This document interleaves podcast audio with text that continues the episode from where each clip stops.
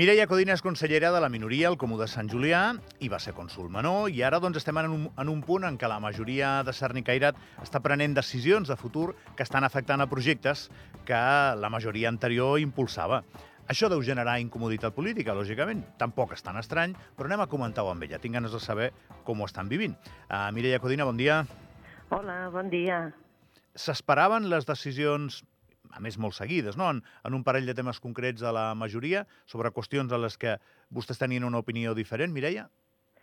Bé, suposo que és molt lícit i molt legítim doncs, que ells eh, tirin endavant els seus projectes i que moltes de les coses i dels projectes que teníem en la corporació anterior doncs no siguin en la línia que ells volen, no? I això és una cosa molt lícita.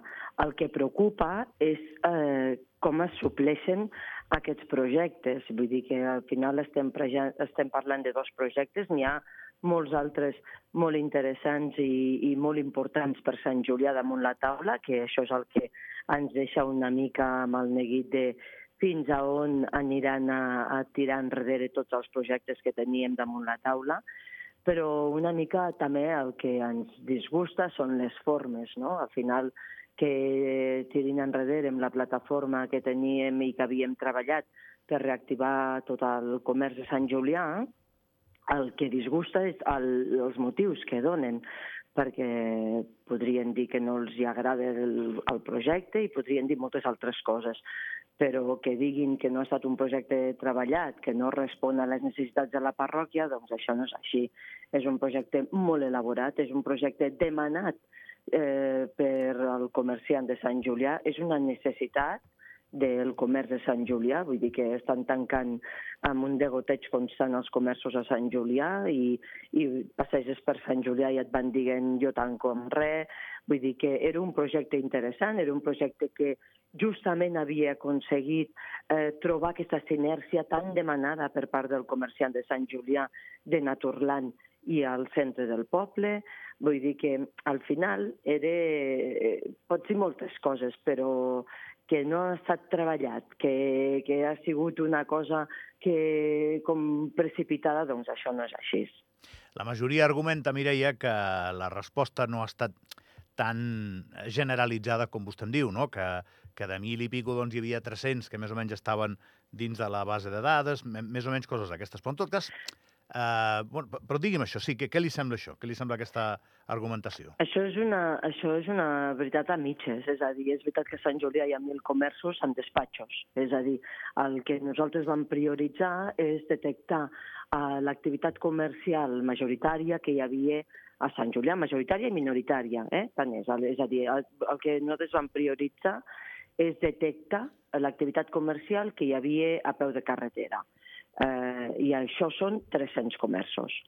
A partir d'aquí, fins a 1.000, són eh, comerços que hi ha en despatxos, en pisos, que potser en un pis hi ha tres activitats comercials, eh, vull dir que vam començar, per algun lloc havíem de començar i per algun lloc s'havia de començar a trobar eh, la sinergia. I al final, com que eren uns descomptes que s'aplicaven, té més sentit que s'apliqui amb una botiga que estigui a peu de carrer, amb un restaurant, amb un bar, eh, doncs amb els diferents comerços que hi ha, doncs amb una botiga, amb estètica, no? doncs amb tot això, que no pas amb un despatx que es dedique doncs, al venda al major de productes de marroquineria o d'altres coses. No? Vull dir que per algun lloc s'havia de començar i nosaltres vam començar per aquests 300 comerços que les dades estan recollides, malgrat diuen que no, no estan digitalitzades, cert, no va haver-hi temps de digitalitzar-les, però sí de recollir-les. I va haver-hi una persona que s'hi va dedicar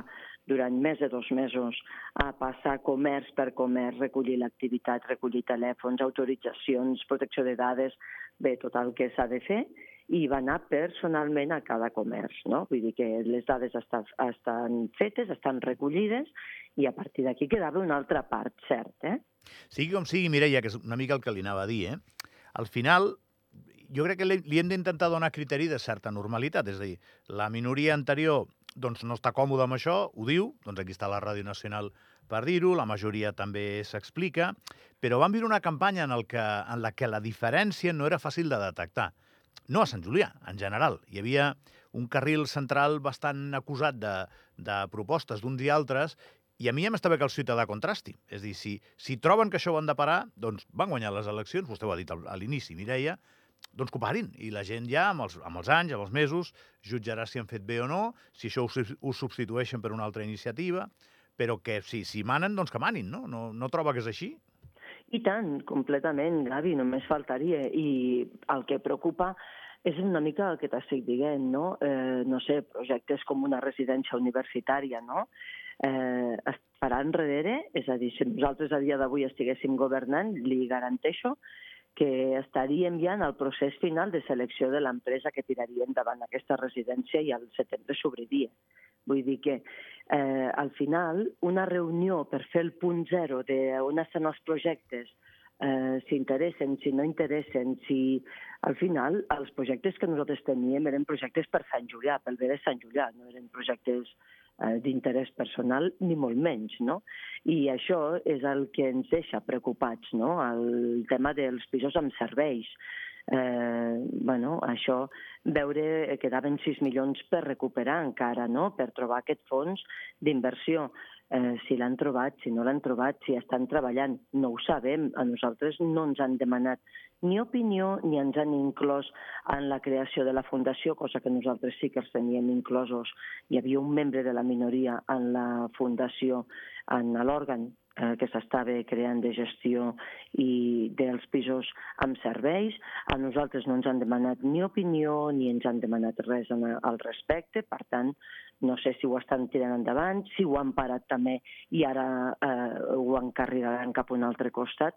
És a dir, una mica eh, el neguit, i si es pot dir així, perquè al final estem a la minoria i podem fer el que podem fer, que és donar veu a, a, des dels altaveus que ens doneu als mitjans de comunicació als projectes que estaven sobre la taula, que podien ser d'execució immediata o d'una execució molt prompta, i que tot això no se sap a on està, no se sap en quin punt ho tenen, perquè tampoc no han mostrat la voluntat ni la intenció de compartir-ho, no? Bueno, i vostè com ho porta? Primer de tot, abans de saber com ho porta, eh, això, això és així, eh, la, la minoria de fer feina i la Ràdio Nacional donar-hi veu, i bé, aquí vam tenir, crec que ben bé una hora, fa, fa no massa, el cònsul major de Sant Julià ja anirà venint durant el mandat per anar contestant, per exemple, aquestes i d'altres preguntes, i la gent que, que, que vulgui saber el que pensa, doncs aquí tindrà la Ràdio Nacional per escoltar-ho i també, per exemple, doncs el WhatsApp del programa per preguntar. Però ara la pregunta era per vostè. Com, com es porta això d'haver estat quatre anys manant i ara doncs està a la contra? Com, com ho porta, Mireia? Doncs mira, eh, primer de tot, agraïda d'aquests quatre anys perquè poder haver entrat i estat a les entranyes de Sant Julià doncs ha sigut un privilegi del qual mai tindré moltes paraules per estar agraïda d'haver tingut aquesta oportunitat. No? A partir d'aquí, el canvi de, immediat com és eh, d'estar quatre anys eh, en com a cònsul menor, eh, que entenc que com a consellers doncs és una altra la implicació perquè a més a més mantenen la seva activitat professional i la compaginen amb la política, no? Però quan tu estàs de cònsul, la dedicació és 100% absoluta i més doncs, amb el cònsul majoral que ens hi havíem dedicat amb ple cos i ànima i totes les hores del dia i tots els dies de la setmana. Per tant, passar d'un dia a l'altre d'aquesta de, dedicació a la meva professió, a la meva vida, a recuperar la meva vida, a recuperar...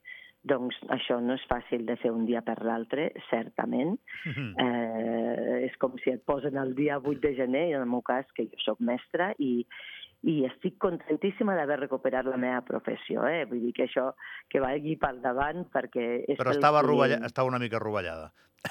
No, rovellada no, perquè al final, quan he tingut els alumnes al davant, doncs m'he donat compte que no estava rovellada i que al final... Doncs quina sort, eh... perquè el dia que em vaig posar jo a xerrar ho vaig notar el primer dia moltíssim, eh?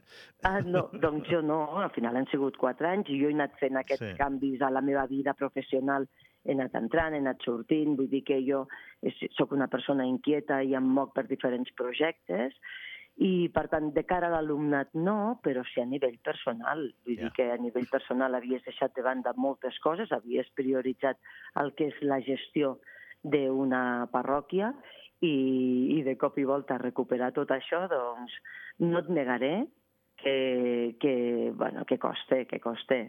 Mireia Codina, moltíssimes gràcies eh? i bon dia. Gràcies a vosaltres, que tingueu un bon dia.